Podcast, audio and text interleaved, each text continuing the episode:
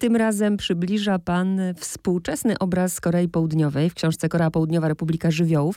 Z tego co wiem, po jej przeczytaniu ta przygoda rozpoczęła się od pewnej Seulczanki. Tak, to prawda. Poznaliśmy się na Tajwanie, uczyliśmy się razem chińskiego. Moja obecna żona, a wtedy miła dziewczyna, z którą razem uczyłem się języka w jednej grupie, była taką osobą, która pokazała mi Koreę, yy, nauczyła mnie wiele o Korei i dzięki niej poznałem moją koreańską rodzinę. Przede wszystkim to dziękuję panu za tę książkę, bo ta Korea wciąga jeszcze bardziej.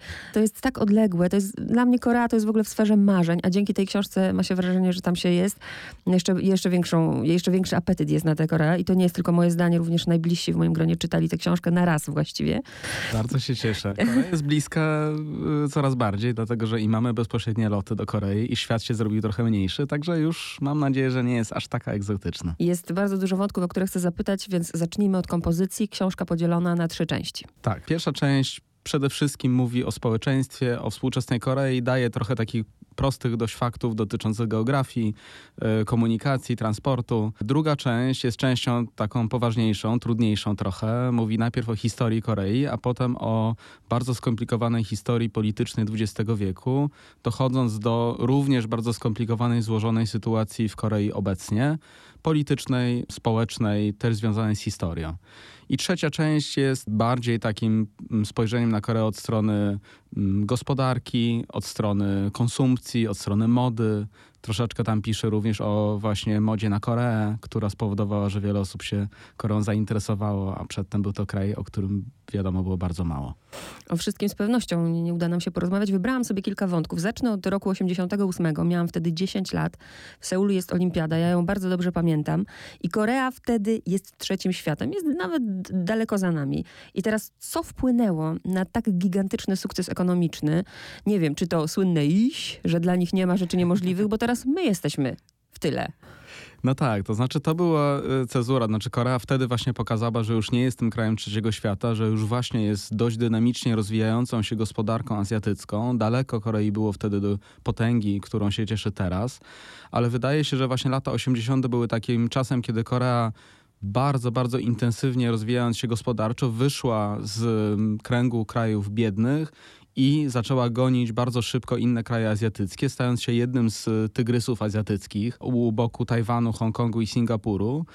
No i właściwie w latach 90. potężne firmy koreańskie, takie jak przede wszystkim Samsung, czy LG, czy jeszcze wtedy Daewoo, Hyundai, czyli nasz Hyundai, mm. te firmy stały się takimi e, kołami napędowymi koreańskiej gospodarki, wychodząc poza Koreę, czyli w latach 90. to była już bardzo, bardzo dynamiczna ekspansja międzynarodowa.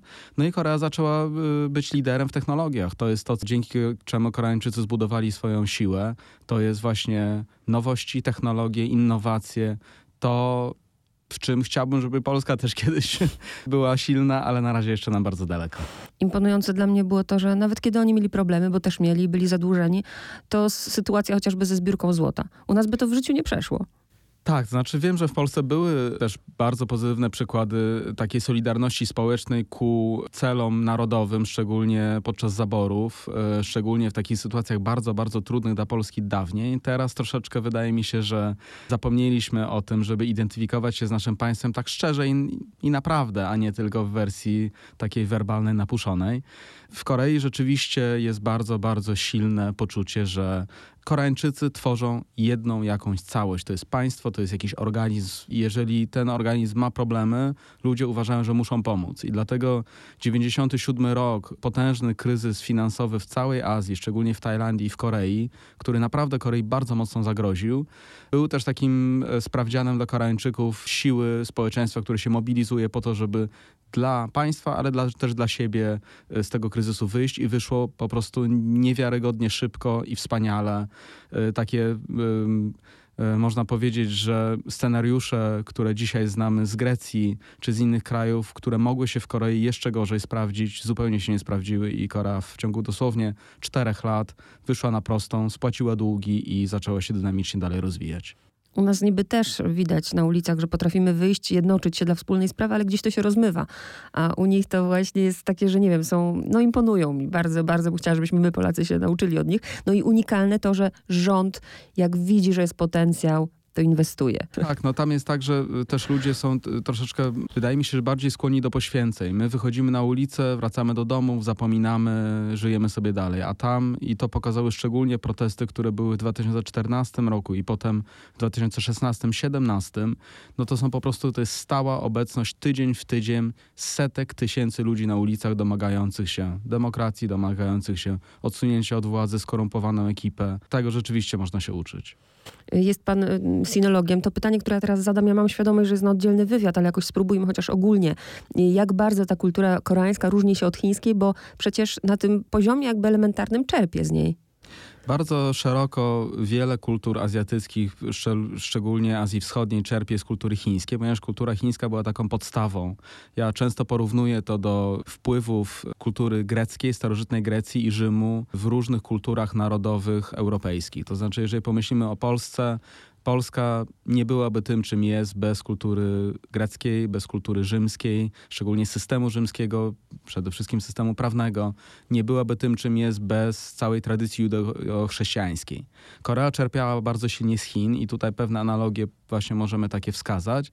Natomiast to nie znaczy, że nie ma swojej bardzo silnej odrębności kulturowej, a przede wszystkim językowej, ponieważ język koreański jest kompletnie czym innym niż język chiński, mimo że oczywiście jest bardzo dużo zapożyczeń leksykalnych, czyli słów, które z chińskiego y, przywędrowały do Korei i do innych krajów, takich jak Japonia czy, y, czy Wietnam.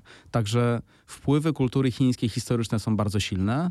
Natomiast bardzo wyraźne są również y, cechy bardzo unikalne kultury koreańskiej, które dla Koreańczyków są powodem do dumy i rzeczywiście są bardzo ciekawe, żeby eksplorować. Dla mnie to jest właśnie fascynujące, bo wszystkie te y, języki dla mnie, które nie zna kompletnie japoński, chiński, koreański, to jest jedno i to samo, nie? Tak, ale tam są większe różnice niż wśród języków europejskich. My jesteśmy przyzwyczajeni do takiej wiedzy, że mamy rodziny językowe, które należą do jednej wielkiej grupy języków indoeuropejskich. I te rodziny między sobą się różnią, a w nich mamy języki, które różnią się również ze sobą. W Azji jest to bardziej skomplikowane, bo chiński, koreański, japoński to są trzy odrębne systemy językowe, właściwie poza właśnie tą warstwą kulturowo-historyczną niezwiązane ze sobą, czyli systemowo one są zupełnie inne. Znając język chiński, niestety nie pomaga mi to w, na- w nauczeniu się języka koreańskiego, jeśli chodzi o gramatykę. To jest kompletnie inny system. W drugiej części, bardzo ciekawej zresztą, sporo porównań do nas, do, do Polski, takich rzeczywistych. Wychodzi na to, że zdecydowanie lepiej sobie poradzili niż my. Tak, no też nie chciałbym, żebyśmy mieli jakieś straszne kompleksy, natomiast wydaje mi się, że Korea y, mm, rzadko w Polsce chcemy się uczyć od innych niż Amerykanie, Anglicy, Francuzi. A mi się wydaje, że w Korei jest bardzo dużo ciekawych elementów koreańskiej historii, dziejów najnowszych również, które mogą być dobrą lekcją dla Polski, bo wydaje mi się, że oni przerobili parę lat wcześniej niż my wiele procesów, które na przykład teraz się dzieją w Polsce. No tak. Był pan w Korei 21 razy, tak? Zresztą tam pisze pan, że w ostatnim roku bodajże 5. Znaczy, były takie lata, kiedy bardziej intensywnie jeździłem, były takie lata, kiedy mniej jeździłem, bo to też zależy od moich, e, zależało od moich e, zawodowych potrzeb e, wyjazdów do Azji. Także różnie to się układało, ale mam nadzieję, że dobrze policzyłem, że było to 21. I na pana oczach ten kraj się zmieniał. Co na przykład, nie wiem czy pan pamięta, na pewno pan pamięta, bo się pamięta ten pierwszy raz i na przykład ostatni, co tak pana uderzyło. Wydaje mi się, że to, co najbardziej się zmieniło w Korei, to jest em, jakość życia osób starszych i ogólnie bieda, którą się widziało bardziej na ulicy. Kiedy byłem, ja pierwszy raz byłem w Korei w roku 2000 i wtedy widać było sporo biedy na ulicach, biednych ludzi, którzy, no, można, może powiem tak, widać było, że jest to spo, społeczeństwo dość takie brutalnie kapitalistyczne, podobne jak społeczeństwo amerykańskie, czyli bogacze są bardzo bogaci, biedni są bardzo biedni, bez jakiejś silnej opieki socjalnej dla właśnie osób starszych, czy takich, które są w trudniejszej sytuacji. Tego się nie widzi w ogóle teraz. W Korei dużo, dużo większe jest, wyższy jest poziom życia ogółu społeczeństwa. Ja na przykład czuję się dzięki temu dużo bardziej komfortowo. No i oczywiście wszystkie nowinki techniczne, które dla Koreańczyków są czymś zupełnie podstawowym i naturalnym, rzucają się w oczy, także bardzo dużo w Korei widać tego i nie wiem, w środkach transportu i samochody i sprzęty różne i sposób w jaki w budynkach urządzone jest y, wszystko, to powoduje, że człowiek czuje się w Korei jako w takim kraju naprawdę bardzo nowoczesnym. Tak się właśnie zastanawiałam, jak czytałam, czy ja bym tak chciała, nie? że siedzę sobie w pracy, na smartfonie ustawiam, już mi się obiad gotuje, już mi pralka pierze, już mi No ktoś właśnie, to jest zakupuje. taki dylemat współczesnego człowieka, że niekoniecznie chce, żeby to wszystko było, natomiast nie da się już tego zatrzymać. Teraz chcę trochę porozmawiać o obyczajowości, społeczeństwie, bo poruszył mnie bardzo w książce ten opis w warzywniaku i to, czego pana żona u nas nie może zrozumieć, i w sumie ja też, mimo że się tu urodziłam, że jak sama sobie nie wybierze owoców, to dostanie nadpsute, a tam w ogóle nie ma takiej opcji. Tak, y, Koreańczycy mają świetne podejście ku, kupieckie, takie długoterminowe. To znaczy oni naprawdę chcą budować relacje z klientem i dlatego zależy im na kliencie. Mają bardzo dobre podejście. Trudno mi sobie wyobrazić sytuację, w której sprzedawca oszukuje kogoś, myśląc, że w ten sposób zarobi jeden, dwa dodatkowe złote, a tak naprawdę traci klienta je, jednego, a może dużo więcej osób. Jest jeszcze drugi aspekt, to znaczy Koreańczycy bardzo, bardzo dla nich ważny jest mm, szacunek i relacje społeczne. Jeżeli wchodzimy do sklepu, sprzedawca chce nam pokazać, że jesteśmy dla niego bardzo ważni, dlatego, dlatego jest niezwykle miły dla nas i stara się być bardzo profesjonalny. Dlatego jest takie wrażenie, że jakość usług w Korei jest na niezwykle wysokim poziomie. Trudno sobie wyobrazić sytuację, w której jakiś niesympatyczny sprzedawca coś odburknie do nas albo mówi, że na przykład nie wiem, nie ma. W ogóle odpowiedź taka, że wchodzimy do sklepu i pytamy, czy coś jest, nie ma i koniec, jest nie do pomyślenia w Korei. Każdy wie, że najcenniejszy klient to jest taki klient, który wróci. Cały czas zadaję sobie to pytanie, dlaczego? Jak mi ktoś powie, że a to wynika z tego, że Polacy byli biedni z uwarunkowań historycznych, to to jest bzdura, bo oni też mieli trudne uwarunkowania. Więc czemu u nas tak jest, że się wciśnie właśnie największy kit? Wydaje mi się, że u nas po pierwsze nie ma tradycji kupieckiej, a po drugie jest bardzo krótkowzroczność w takim małym i większym pewnie też biznesie. Czyli my, y, to co na przykład moja żona też y, wielokrotnie zaznaczała, pokazywała mi, że nasi biznesmeni, czy nasi kupcy, czy nasi sprzedawcy nie myślą w, o biznesie w kategoriach inwestycji. Że ja muszę zainwestować w relacje, muszę zainwestować pieniądze i może mi się to zwróci za jakiś czas, ale ja muszę najpierw bardzo dużo z siebie dać po to, żeby później z tego korzystać. Wydaje mi się, że u nas raczej jest takie myślenie krótkowzroczne, no dobrze, to jaki mam zysk na tej jednej operacji? Tak, to prawda. To smutne bardzo. Teraz Może się nauczymy. O- Oby, bardzo bym chciała w to wierzyć.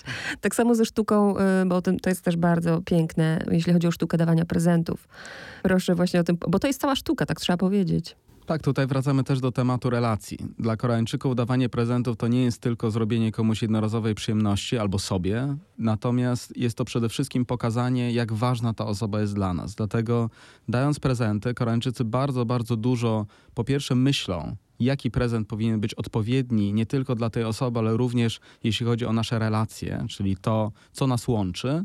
A po drugie, naprawdę są y, zdolni do bardzo dużych wyrzeczeń i poświęceń, jeśli chodzi o prezenty, czyli jadą gdzieś bardzo daleko, żeby coś kupić, albo y, wydają bardzo dużo pieniędzy, nie dlatego, że chcą pokazać, że są bardzo bogaci, tylko dlatego, że chcą nam pokazać, że jesteśmy dla nich bardzo, bardzo ważni. I to jest piękne. A u nas bardzo często, ja też nie chcę wszystkich wrzucić do tego samego worka, ale często jest tak, że byle się w 20 zł zmieścić, nie? Tak, tak. Poza A tam właśnie- wydaje mi się, że taka różnica już nie tylko pomiędzy Polską a Koreą, ale Europą i Azją Wschodnią jest taka, że my jesteśmy bardzo oszczędni, a czasami skąpi, jeśli chodzi o, po, o to, Tak. jak Azjaci na nas patrzą. Po prostu nie chcemy wydawać pieniędzy na inne osoby, nie chcemy budować czy inwestować w te relacje. Uważamy, że mamy za mało czasu, że ten czas powinniśmy spędzić na nasze przyjemności, na nasze zainteresowania, a nie dla innych. Koreańczycy, tak jak wiele innych em, narodów azjatyckich, żyje dla innych, dla rodziny, dla dzieci, dla rodziców, dla znajomych, czyli takie bardzo indywidualistyczne podejście, że co jest w tym dla mnie, co ja z tego mam, Tak. jest im często obce. I żyją właśnie to konsumowanie jest po to, żeby cały czas się to wszystko kręciło. Ale dobrze, nowoczesna Korea to konsumowanie. Kupuje się, wydaje się bardzo dużo i to, o co chcę zapytać, bo zaskoczona byłam, że oni nawet bardziej niż my są zadłużeni, ale wspomniał pan też, że ta nowoczesna Korea nie widać tej biedy, więc zastanawiam się, skoro nie widać jej gołym okiem, no to przecież jakoś sobie radzą z tymi długami. Jak tam wygląda to, to ściąga, ściągalność, czy to spłacanie? W Korei można powiedzieć, że średnia zarobków jest wyższa niż w Polsce, czyli ludzie mają dużo więcej pieniędzy na wydawanie na inne niż te podstawowe potrzeby. Czyli można powiedzieć, że jest to społeczeństwo y, ogólnie rzecz biorąc dużo bardziej dostatnie niż y, polskie. Natomiast rzeczywiście Koreańczycy bardzo dużo wydają, więc wydaje mi się, że mniej jest takiej bardzo, nie wiem, krańcowej, widocznej biedy, natomiast bardzo dużo jest ludzi, którzy żyjąc na dość komfortowej stopie życia, na dość komfortowym poziomie, borykają się co miesiąc z tym, żeby wszystkie swoje y, powinności finansowe spłacić. Czyli żonglują pieniędzmi pomiędzy kartami kredytowymi, kontami, zadłużają się, próbują to spłacić, znowu się zadłużają i tak dalej, i tak dalej. Także można powiedzieć, że jest to taka pułapka bardzo konsumpcyjnego społeczeństwa. Tak samo zastanawia mnie ten przepych jedzenia, a jakoś koreańskie społeczeństwo na nadwagę nie cierpi, przynajmniej nie widać tego filmach dokumentalnych. Trochę cierpi, trochę cierpi i to też są zmiany w ostatnich latach, ponieważ Koreańczycy sporo też jedzą e, fast foodów i takiego jedzenia europejsko-amerykańskiego, słodyczy i to powoduje, że szczególnie młodzi ludzie, szczególnie dzieci w szkołach mają problemy z otyłością. Natomiast generalnie rzecz biorąc, społeczeństwo koreańskie nie cierpi na nadwagę osoby, które odżywiają się, można powiedzieć, bardziej tradycyjnie azjatycko, no bardzo trudno, żeby były osobami otyłymi. Natomiast te, które lubią lody, słodycze, fast foody, no niestety tak. Koreańczycy też sporo chodzą do kawiarni, a w kawiarniach niekoniecznie piją espresso, tylko bardziej właśnie różne napoje, które są z zawartością cukru, z bitą śmietaną i tak dalej, i tak dalej. I to powoduje, że jednak ten problem otyłości jest. To jest dobry moment od razu, jak już przy tym jesteśmy, żeby o koreańskiej kuchni chwilę powiedzieć. Ja muszę powiedzieć, że bardzo ten moment moment, w którym pan opisuje, jak próbuje pan, nie wiem co to było, co się jeszcze ruszało. A no tak, to ośmiornice, tak. ośmiornice i kalmary. Tak. I podziwiałam pana, że pan potrafi w ogóle tak, na pana oczach to jest mordowane i potrafi pan to zjeść. No to by, był z tym pewien problem, zwłaszcza, że ja również jestem wychowany y, akurat w moim przypadku na szerokich równinach mazowieckich, gdzie nie ma owoców morza i jest bardzo mało ryb. Także pojechanie do kraju, który żyje z owoców morza i z ryb i to jest kultura taka no, żyjąca bardzo blisko morza, także też w książce opisywałem, Koreańczycy jedzą mnóstwo wodorostów. No właśnie. Jedzą ślimaki e, morskie jedzą bardzo dużo takich rzeczy, które po prostu nie, nie ma u nas. One się pojawiają teraz czasami na zasadzie jakiegoś egzotycznego jedzenia, natomiast nie ma ich w tradycyjnej naszej kuchni, więc rzeczywiście trzeba się do tego przyzwyczaić, natomiast to są wspaniałe rzeczy. One są zdrowe, dobre yy, i ta kuchnia jest bardzo, bardzo różnorodna, urozmaicona. Ja z kolei jestem na etapie właśnie, że wszystko co ostre, nawet jak spróbuję tajskiej zupy, to się krzywie, więc z takim trzeba podziwem. Ćwiczyć. Trzeba, trzeba ćwiczyć. I tak jak też w książce chyba tak. napisałem, można to wyćwiczyć. Ja również w ogóle nie jadłem ostrych rzeczy. Koreańska kuchnia rzeczywiście jest głównie ostra. To nie jest taka ostrość meksykańska. Natomiast większość potraw jest rzeczywiście pikantnych i jeżeli się je często albo codziennie, to po jakimś czasie okazuje się, że jesteśmy już ekspertami. No i piękne te zdjęcia są też w książce i tam właśnie zapamiętałam to jedno zdjęcie tego posiłku, bodajże jednego. Mnóstwo tych rzeczy na, w różnych malutkich miseczkach, prawda? Bo też tak. na różnorodność stawiają. Tak, Koreańczycy y, mają taką tradycję, że mają bardzo dużo przystawek i te przystawki koniecznie muszą być na osobnych malutkich talerzykach albo miseczkach. Także jeżeli zamówimy jedno, dwa dania, to ląduje na stole w restauracji razem z tymi daniami różne przystawki, zapełniając całkowicie stół. Także jest to raczej chyba reguła niż wyjątek, że jeżeli jesteśmy w restauracji w Korei, to praktycznie cały stół mamy od razu zastawiony różnymi rzeczami. Ale w domu też tak pan je? Tak, w domu też tak się je. Y, tutaj w Polsce jemy y, taką kuchnię, można powiedzieć fusion, czyli koreańską, ale również z innymi elementami z racji tego, że nie wszystkie składniki są dostępne w Polsce i też ta kuchnia mojej żony ewoluowała trochę, zmieniała się trochę pod wpływem y, naszego pobytu, bycia, mieszkania w Polsce. Natomiast w Korei w domach również tych przystawek jest bardzo dużo. Ciekawa jestem, czy zdarzyło się, że żona panu przez tych kilkanaście lat zrobiła w domu schabowego normalnie z kapustą. Nie, schabowego nie, zwłaszcza, że nie jemy mięsa. A. Także tym bardziej nie. A pierogi? A pierogi tak, ale koreańskie. O, a co, jakie to są koreańskie? Mandu. One są inaczej, inaczej lepione. Ciasto jest trochę cieńsze, farsz jest zupełnie inny i są innego kształtu. Takie tradycyjne koreańskie pierogi, znaczy mogą być też takie przypominające nasze, ale tradycyjne koreańskie pierogi są lepione tak, że obydwa rogi się łączy i się robi taki bardziej okrągły kształt. To jest też coś, co wyróżnia te pierogi na tle pierogów na przykład chińskich czy japońskich. Kolejny wątek, bo ich jest tak dużo, każdy chociaż trochę chce, który mnie fascynuje jako nauczyciela też z pierwszego wykształcenia, to edukacja. Podoba mi się to, że rzeczywiście tam się inwestuje na polskie pieniądze 800 zł w dziecko, dodatkowo oczywiście, dodatkowe tak. zajęcia, ale powiedzmy od początku, jak wygląda ten system y, edukacyjny w Korei? System edukacyjny sam w sobie, można powiedzieć, że jest chyba nawet trochę podobny do polskiego, znaczy do polskiego byłego chyba już teraz, dlatego że była w Korei szkoła podstawowa, potem gimnazjum, potem liceum i studia. Natomiast to, co jest bardzo różne, to jest to, że e, w Korei, tak jak również w innych krajach Azji Wschodniej i Azji Południowo-Wschodniej, jest pewnego rodzaju choroba wysyłania dzieci do szkół wieczorowych, w Korei to się nazywa hagwon. To są takie szkoły, gdzie teoretycznie dzieci powinny być na korepetycjach, czyli powinny powtarzać i lepiej sobie przyswajać materiał, którego się nauczyły w szkole normalnej, dziennej, ale w praktyce jest zupełnie odwrotnie. To znaczy ta szkoła dzienna staje się czymś, co jest przymusowe, ale tak naprawdę nie prowadzi do sukcesu przyszłego, którego życzą swoim dzieciom wszyscy rodzice. W dzieci inwestuje się wysyłając do tych hagwonów, gdzie mają uczyć się wiedzy szybciej, wcześniej, głębiej, szerzej i lepiej niż w szkole y, dziennej. To powoduje, że te dzieci są przemęczone, siedzą w tych hagłonach czasami do 9, do 10 wieczorem, mają jeszcze prace domowe, także mm, właściwie całe życie dzieci od szkoły podstawowej do końca liceum to jest siedzenie w szkole, uczenie się, uczenie się w chłagłonach i właściwie bardzo mało wolnego czasu, bardzo mało możliwości rozwijania swoich zainteresowań. To jest powód bardzo wielu problemów z przemęczenia dzieci, z braku snu, również frustracji dzieci, problemów psychicznych czasami.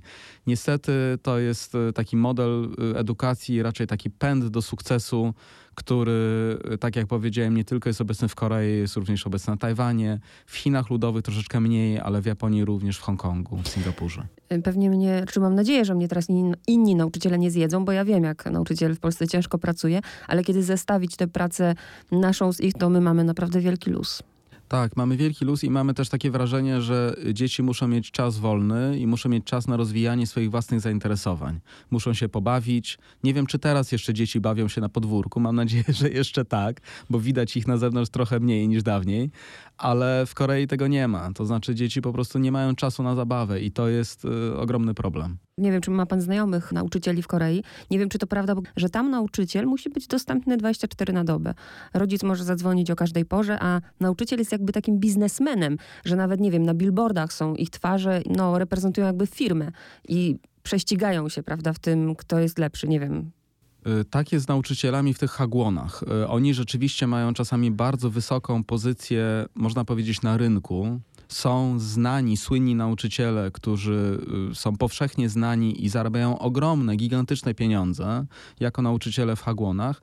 Natomiast no, to muszę powiedzieć, że co co jest tym sukcesem? Sukcesem jest, jeżeli dany nauczyciel doprowadzi do tego, że dziecko zdaje koreański odpowiednik naszej matury świetnie, lepiej jak ma pełną ilość punktów, pełną czyli 100% punktów i dostaje się do najlepszego uniwersytetu. Więc właściwie tym sprawdzianem jest wynik na egzaminach, więc bardzo często y, hagłony koncentrują się na przygotowaniu do egzaminów, a nie na przekazywaniu wiedzy. I to też jest pewien problem, czyli dzieci trenuje się tak jak sportowców, żeby na tych zawodach, którymi jest matura koreańska, y, poradzili sobie jak najlepiej. Niekoniecznie jest to tak naprawdę uczenie wiedzy czy umiejętności, a bardziej tego, jak zdać egzamin. To tak samo jak z, przechodzę już teraz z trochę do rzeczy typu słynny K-pop i tam, jak się okazuje, nie ma, że grupka chłopaków się zebrała i się świetnie nie. bawią, tylko tam jest wszystko już, od, oni od dziecka pracują nad tym, prawda, żeby tak, taki sukces tak. osiągnąć to cały system tworzenia gwiazdy w K-popie bardzo jest podobny do systemu, w którym tworzy się czołowych sportowców czyli bardzo, bardzo ciężka praca, wyrzeczenia, poświęcenie się, codzienne ćwiczenia po 6, 8, 12 godzin. I to nie tylko jest K-pop, dlatego że jeżeli pomyślimy na przykład o koreańskich mistrzach e-sportów, czyli, czyli gier komputerowych, y, grupowych zawodów, to jest to podobnie. Oni po prostu cały czas ćwiczą. Jest to ciężka praca po to, żeby być lepszym niż inni i dlatego też jest taki poziom y, zarówno sportowców koreańskich, jak i mistrzów estrady, ponieważ te zespoły zespoły K-popowe są świetnie przygotowane. Oni są przygotowani, jeśli chodzi o taniec, jeśli chodzi o przygotowanie fizyczne, jeśli chodzi o y, śpiew E, po prostu bardzo ciężko pracują na te sukcesy, więc tam nie ma tandety, nie ma jakiegoś beztroskiego zebrania się razem i tworzenia czegoś w jakiejś grupce i nadziei, że może ktoś nas polubi. To jest bardzo, bardzo wszystko sprofesjonalizowane i to jest chyba w ogóle podejście Koreańczyków, że jak coś robią, to już starają się tak. temu całkowicie poświęcić. Ja teraz jak przyjdzie mi narzekać, to sobie będę przypominać zawsze. Dzisiaj już mi tak narzekałam, że spałam e, 6 godzin, to od razu, ale zaraz oni śpią 6 5. godzin? To jest za długo. 5 to jest w ogóle maks. A Koreańczycy mają też, e, używają angielskiego słowa fighting, czyli walczenie, walczymy i zagrzewają się tak do boju, mówią, no dobrze, to muszę ciężko pracować, czyli co robię? Fighting.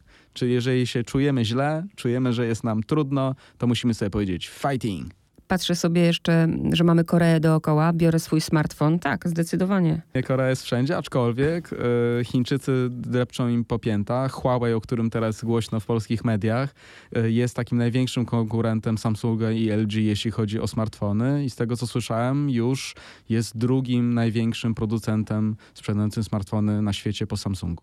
Zastanawiam się też, co nas tak fascynuje, bo przyznaję, że sama wpadłam e, w serial Cesarzowa Ki. Nie mogłam przestać. Po prostu nie mogłam przestać. Więc tam jest też niesamowity rynek na te wszystkie seriale. One, to jest akurat historyczny. Ale zastanawiam się, co jest takiego, że nas tak ciągnie do tego. Mi się wydaje, że tutaj również jest ten profesjonalizm. Te seriale są świetnie przygotowane. Jest dobra gra aktorska. Naprawdę nie ma tam takiego wrażenia, że to jest zrobione byle jak. A druga rzecz jest taka, że ponieważ jest profesjonalne podejście również do pisania scenariuszy, te opowieści są wciągające, one są fajne, one są... Pewne elementy się zawsze powielają. Wiadomo, miłosne jakieś y, romantyczne historie, pewne schematy, które są. Natomiast one są naprawdę dobrze zbudowane. Także nawet ja, który naprawdę nie lubię w ogóle seriali i nie mam na nie czas i nie, nie oglądam ich, no czasami Rzeczywiście mam pewien problem, kiedy e, żona coś ogląda i ja przez ramię jej patrzę i tak naprawdę trudno przestać. Tak, ja, ja z tą cesarzową tak miałam. Też nie mam czasu, też nie oglądam, a od tego nie mogłem się oderwać. No właśnie, no Także później znalazłam w internecie i hurtem obejrzałam, nie? Pamiętam tak. dwie noce. Pan y, dużo zrobił dla Korei w naszym kraju, choćby dzięki tej książce, ale z tego co wiem, dużo w Korei dla sektora kultury polskiej.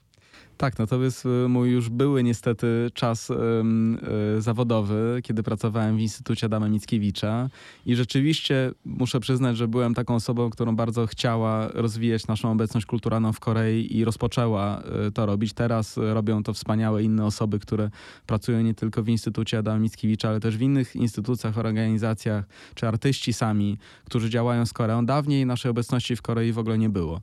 A Koreańczycy byli bardzo ciekawi Polski ten rynek kulturalny też nie jest łatwy w Korei, natomiast wydaje mi się, że dobrze, że spróbowaliśmy. Od 2011-2012 roku y, coraz silniej jesteśmy kulturalnie obecni w Korei i mam nadzieję, że to będzie trwało, dlatego że do tej pory Koreańczycy patrzyli na Polskę jako taki kraj postkomunistyczny, biedny, może trochę zacofany i myśleli na, o Polsce przede wszystkim jako ryn, rynek zbytu swoich produktów. I dobrze jest pokazać Koreańczykom, że jest coś więcej w naszym kraju. Nasza kultura jest bardzo ciekawa, mamy też sporo do zaoferowania i to starałem się robić. I to jest jeszcze, co mnie bardzo ciekawi, jak postrzegają, ale tam właśnie w Korei Południowej, Koreańczyków z północy, jak to jest z ich perspektywy, bo po przeczytaniu pana książki ja mam wniosek taki, że gdyby nie Stany, między innymi, którym na rękę to jest z wiadomych powodów, to oni by się już dawno zjednoczyli. Na pewno dużo szybciej Koreańczycy by poradzili sobie z negocjacjami, które prowadzą od początku 18 roku. Niestety y, międzynarodowa geopolityczna sytuacja, rola Stanów, rola Japonii powodują, że te rozmowy są dużo bardziej skomplikowane niż by mogły być. Oczywiście te czynniki polityczne w szerszej perspektywie wieloletniej są dużo bardziej złożone, natomiast obecnie w Korei Południowej jest przeświadczenie, że jest moment na to, żeby obydwie Koree rzeczywiście się dogadały, pracowały nad zjednoczeniem, żeby spokojnie, rozważnie, krok po kroku przybliżać obydwa społeczeństwa i żeby doprowadzić w końcu do zjednoczenia Korei jako jednego kraju z jednym demokratycznym systemem, w jakiś sposób godząc te różne, bardzo trudne interesy, czasami sprzeczne. I to jest y, ogromna zmiana w Korei Południowej również, dlatego że do tej pory bardzo dużo, czy taki dyskurs obowiązujący w Korei był dyskursem straszącym przed Koreą Północną, straszącym przed społeczeństwem północno-koreańskim, straszącym przed jakimikolwiek próbami zbliżenia. Teraz jest zupełnie inaczej i wydaje mi się, że jest moment rzeczywiście na to, y, żeby coś się zmieniło i jeżeli inne kraje na to pozwolą, głównie Stany Zjednoczone, to jest szansa, że rzeczywiście Korea będą mm, pracować nad trwałymi rozwiązaniami i nad zjednoczeniem. No właśnie, jeśli na to pozwolą, a czy pozwolą, to już jest zupełnie druga Walka kwestia. Dy, y, dyplomatyczna trwa i wszystkim jest bardzo trudno i Ameryce też jest bardzo trudno, dlatego że pozwolenie na proces pokojowy będzie też wyzbyciem się wielu atutów, które Ameryka ma w regionie. Cofnięciem, ograniczeniem swojego wpływu. Inni Amerykanie nie chcą tego robić, ale mam nadzieję, że będą musieli się z tym pogodzić. Teraz znowu trochę wścibstwa prywatnego. Nigdy nie namawiała pana żona, żeby wyjechać na stałe tam? namawiała. Myśleliśmy o tym wielokrotnie, y, natomiast tak się dziwnie ułożyły nasze losy, przede wszystkim y, moje losy zawodowe, że nawet moja żona sama mówiła: Słuchaj, robisz fajne rzeczy w Polsce, rób to, bo w Korei być może nie znalazłbyś tak ciekawej pracy, więc nie jest tak, że zmusza moją żonę do bycia w Polsce. Po prostu tak nam się ułożyło życie, że jesteśmy w Polsce i próbujemy tutaj odnaleźć swoje miejsce. Ona jest tu wiele lat. Już są rzeczy, które nadal ją bardzo denerwują, czy już przyzwyczaiła się? Tak, no oczywiście, no bardzo, bardzo żony denerwują różne postawy, można powiedzieć, ksenofobiczne, rasistowskie, które niestety w Polsce są bardzo powszechne. One się chyba nasiliły nawet. Tak, znaczy można powiedzieć, że w ostatnich dwóch, trzech latach one się bardzo nasiliły i to jest coś, co rzeczywiście jest bardzo, bardzo smutne i niepokojące. To, co żonę czasami również męczy, to jest pewnego rodzaju, można powiedzieć, niefrasobliwość, czy pewnego rodzaju taka, może powiedziałbym inaczej, to, co żonę czasami bardzo męczy w Polsce, to jest nieefektywność systemu urzędnicza czasami, papierowe, jakieś bardzo skomplikowane procedury. W Korei wszystko jest bardzo szybko. Y, Koreańczycy mają mało czasu i wywierają na siebie nawzajem presję, żeby wszystko załatwiać szybko, szybko, szybko. Także rzeczywiście w Polsce czasami różne rzeczy trwają mnóstwo czasu. To, co żonę niezmiennie śmieszy, to jest jak w telewizji widzi jakieś procesy sądowe i wielki stół sędziowski, na którym są po prostu tysiące jakichś papierów i teczek. Dla niej to jest po prostu komedia. E, I to, że sprawy sądowe trwają czasami lata, to są takie rzeczy, które dla niej pokazują, że jesteśmy pod tym względem bardzo zacofani. Natomiast no, są też rzeczy, które jej się bardzo podobają. Podoba jej się bardzo przyroda w Polsce. Podoba jej się na przykład nasze podejście do zwierząt. To, że kochamy psy. Yy, mamy mnóstwo zwierząt w domach. Są rzeczy, które bardzo lubi w Polsce. Plusy i minusy. A macie tak. podgrzewaną podłogę? Będziemy mieli, A. dlatego że niedługo się przeprowadzamy. Także bardzo czekamy na to, że będziemy mogli się wylegiwać na podgrzewanej podłodze i, i tym bliżej nam będzie do Korei. To mnie właśnie urzekło od początku czytania tej książki. Ja mówię, Boże, co to za świat, że nawet ulice mają podgrzewane.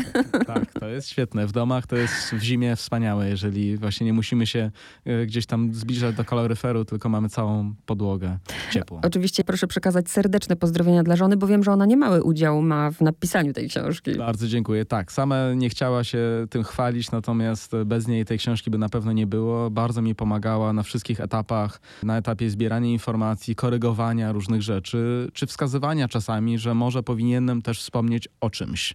I ja idąc tym tropem znajdowałem informacje, e, dodawałem te elementy i dzięki temu mam nadzieję, że książka, no oczywiście w tej objętości, w jakiej jest, możliwie dotyka jak najwięcej obszarów. I na koniec, nie wiem, nie wiem, czy pan w ogóle potrafi spełnić taką prośbę, czy da się powiedzieć, nie wiem, czy po koreańsku, czy po chińsku e, polecam magazyn literacki Spis Treści w RMF Classic. no to mi pani zadała. Po koreańsku na pewno tego nie powiem. Mogę to powiedzieć po chińsku. Dobra. 我推荐给你们 RMF Classic 广播台的非常好的文学杂志，叫做《索引》。Pięknie, pięknie. Bardzo panu dziękuję. Tylko po chińsku. Po koreańskiego niestety nie znam tak dobrze. Ale świetnie to zabrzmiało. Bardzo dziękuję. Dziękuję, dziękuję miłego dnia. Nawzajem.